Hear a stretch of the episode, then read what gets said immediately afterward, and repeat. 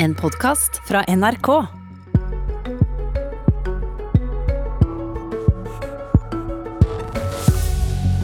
Arbeiderpartiet vil styrke offentlige sykehus på bekostning av de private. Dette er et angrep på pasientenes valgfrihet, svarer Høyre. Sist uke snakka vi om eh, Høyres hjertesak, som er fritt behandlingsvalg i helsevesenet. I helga kom Arbeiderpartiet med sin nye sykehuspolitikk, og de vil altså styrke offentlige sykehus på bekostning av de private. Og Jonas Gahr Støre, Arbeiderpartileder, eh, hvilke private aktører er det vi har for mange av, mener du? Vi vil gjøre mer av det vi vet virker. Eh, og vi har samarbeid med private og ideelle i norsk helsevesen som er bra. Eh, der er det altså det offentlige og sykehusene som bestemmer hvordan de bruker dem, utnytter dem, slik at vi bruker fagfolkene og kompetansen og ressursene riktig. Det såkalte frie behandlingsvalget som Høyre har innført, det er egentlig en fri etableringsrett for private. Og Det skjer utenfor de prioriteringene man gjør i helsevesenet. Det tar personell ut av sykehusene, og det er sykehusene som skal betale for det.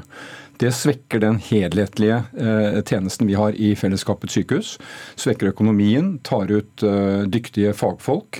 Eh, det går særlig til sentrale strøk. 70% av det tilbudet gjelder i sentrale strøk, altså svekker distriktene. Og er en dårlig måte å bruke ressursene på. Så vi vil noe bedre. Vi vil styrke fellesskapets sykehus med mer ressurser, mer fagfolk og bedre tilgang på moderne medisiner. Og hvem skal ikke være der, for å gjenta spørsmålet? Ja, altså Vi vil ikke bruke penger på eh, private foretak som skyter opp rundt sykehusene. Jeg kan ikke nevne dem eh, navn for navn, men de behandler ganske få. Det er en veldig byråkratisk ordning, den er dyr. Eh, og vi vil heller bruke de pengene på å samarbeide med godt de vi har allerede der ute. Ideelle, noen private avtalespesialister som supplerer sykehusene. Men det må være sykehusene og vårt felles helsevesen som gjør prioriteringene. Så de som skyter opp på denne måten, med kan du si, en type sugerør inn i sykehusenes budsjetter, det vil vi ikke prioritere. Vi kan gi bedre tilbud til flere. Husk på det. Det største behovet fremover nå vil være blant eh, eldre, kroniske syke med sammensatte eh, lidelser. De er utenfor det tilbudet som kommer fra disse private eh, som, som skyter opp. Så Det er en måte å svekke vårt helsevesen på som vi ikke går inn for. Bent Høie, helseminister, hvorfor er dette et angrep på valgfriheten? Ja, Det kommer fram i det første argumentet fra Arbeiderpartiets leder her. Fordi han sier at det viktigste for han er at det er sykehusene og systemet som bestemmer. Det er viktig for oss at pasienten har en valgmulighet. Og Det er hele kjerneforskjellen i vår måte å tenke helsetjenesten på. Høyre sin ambisjon er å skape pasientens helsetjeneste. Arbeiderpartiet er opptatt av systemets helsetjeneste. Og Det er ikke riktig at dette er en dyr ordning. Tvert imot. Arbeiderpartiet vil jo gjennom å avvikle fritt behandlingsvalg sitte igjen med mindre behandling, ikke mer behandling. For disse aktørene får mindre betalt både enn det med de samme behandlingene koster i offentlige helsetjenester, men òg det som det koster gjennom anbud. Og Det som jo er det vanskeligste med dette forslaget, det er jo at for mange pasienter er det ekstremt viktig å få lov til å velge. Sånn som de som velger f.eks. Hurdal Recovery Center, som tilbyr en psykisk behandling som er litt annerledes enn den i den offentlige. De vil kun, det vil kun være et tilbud for de med tjukk lommebok med Arbeiderpartiet sin politikk. Ok, La oss ta det første argumentet ditt først. at nå, Da blir det færre hender som skal behandle sykdommene hos oss alle? Det, dette er helt feil. Altså I disse eh, som nå får tillatelse til dette frie etableringsvalget, så kan behandle de enkelttilstander. Veldig ofte sånn du kan ta på, på, på rekke og rad stykkpris. Sykehusene våre har ansvar for å utdanne folk, eh, lære opp folk, drive med forskning. Eh, tunge oppgaver.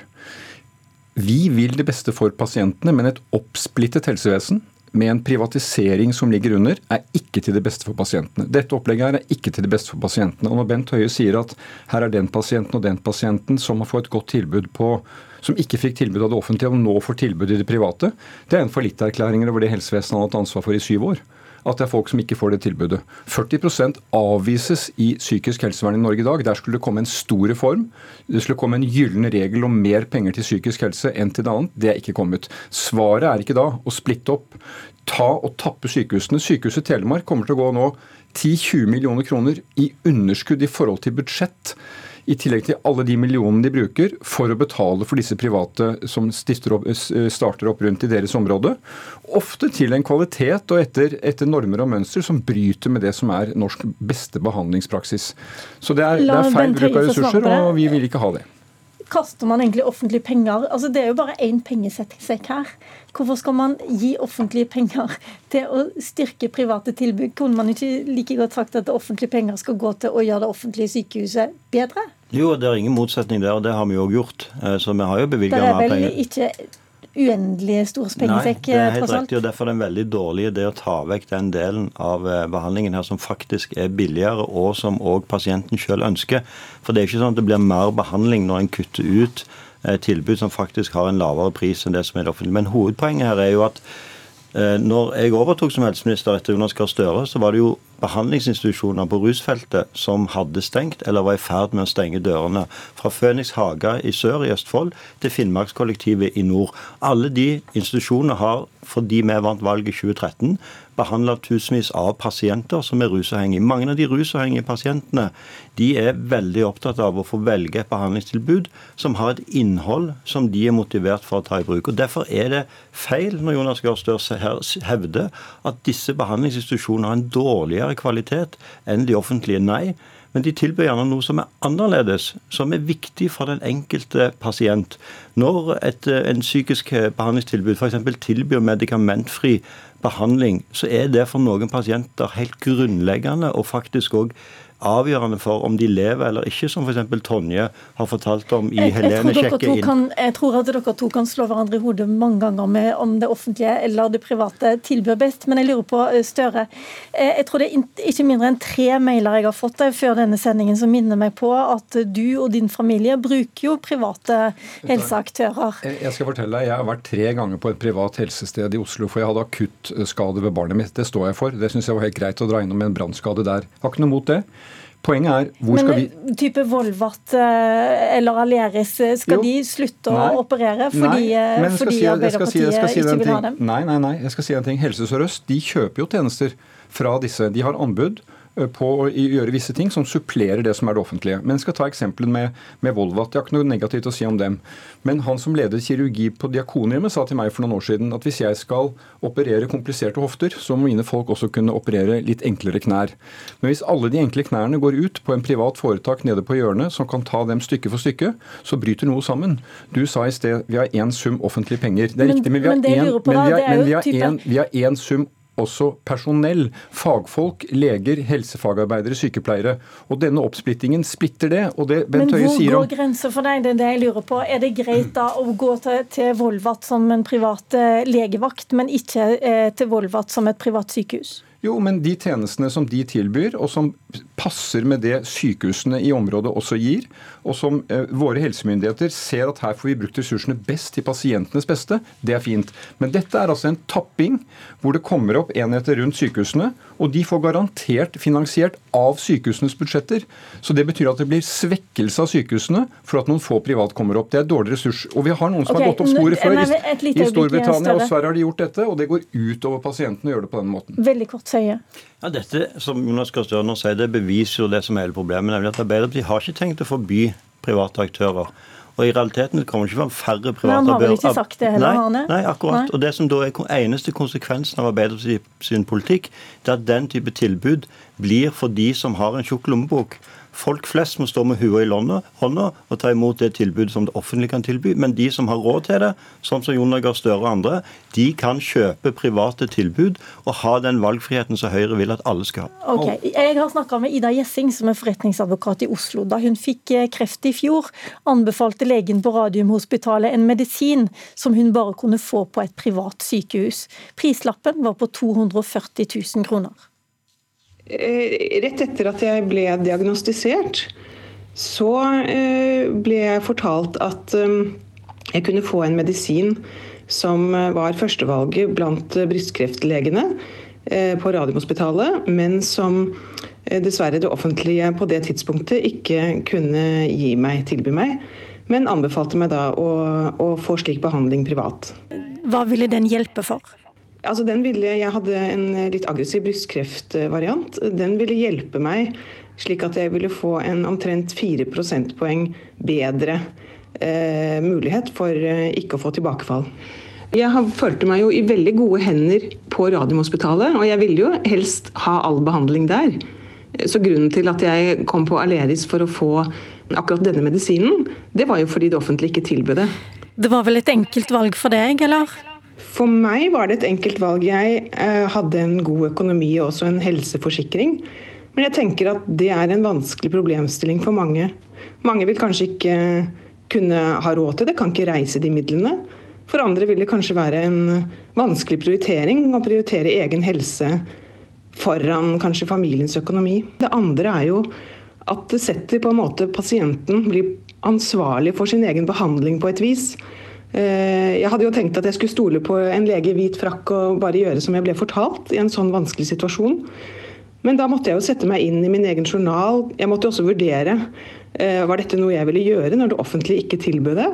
Det var vanskelig å ha en eh, diagnose som var så alvorlig, og så å skulle sette seg inn i alle disse tingene og lese kliniske studier, lese rapporten fra Beslutningsforum, hvorfor dette ikke var godkjent osv. Det er jo ikke noe man vil. Man vil heller gå en tur i skogen eller tenke minst mulig på kreft og utfall, og heller forsøke å komme seg best mulig gjennom behandlingen. Men nå er du frisk, og det betyr vel at eh, de medisinene du fikk, funka? Eh, jeg håper det. Jeg er, jeg er, frisk og i full vigør og, og, jobber. Det er jo bare halvannet år siden dette skjedde. Og jeg skal også si at Beslutningsforum snudde jo underveis, så jeg fikk jo behandlingen altså etter to doser. Så Eh, var behandlingen gratis, og da trengte jeg den. Eh, etter også det offentlige syn. Ja, Jonas Gahr Støre, Hvis det ikke fantes private sykehus, eh, så hadde ikke Ida Gjessing fått den medisinen i det hele tatt. Du vil også gjøre helseforsikringen som hun hadde, dyrere. Hvorfor det?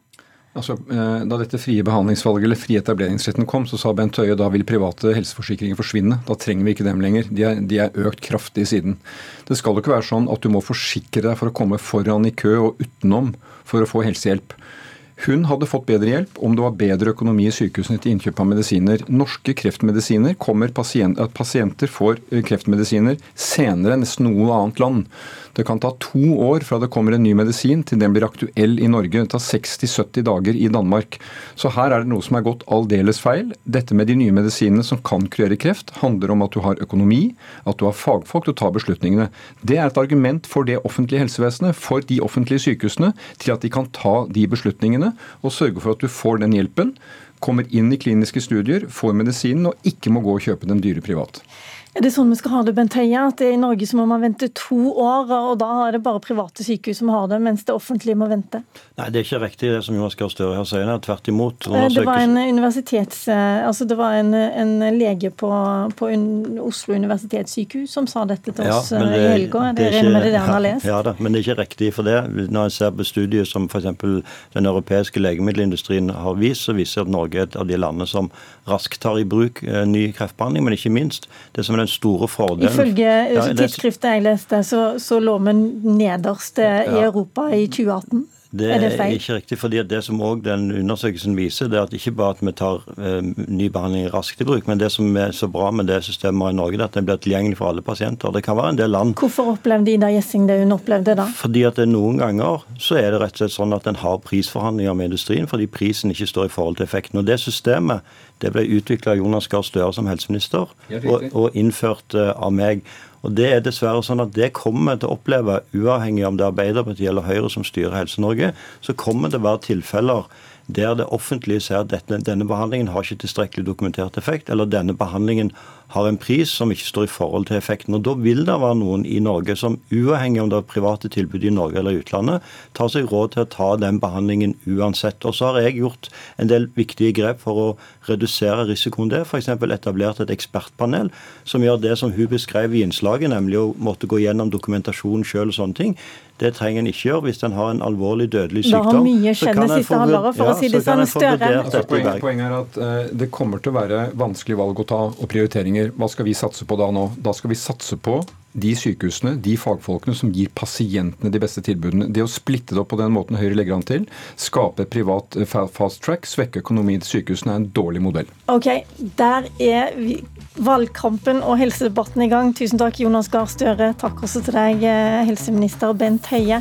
Mitt navn er Lilla Sølhusvik, og det var ett Politisk kvarter.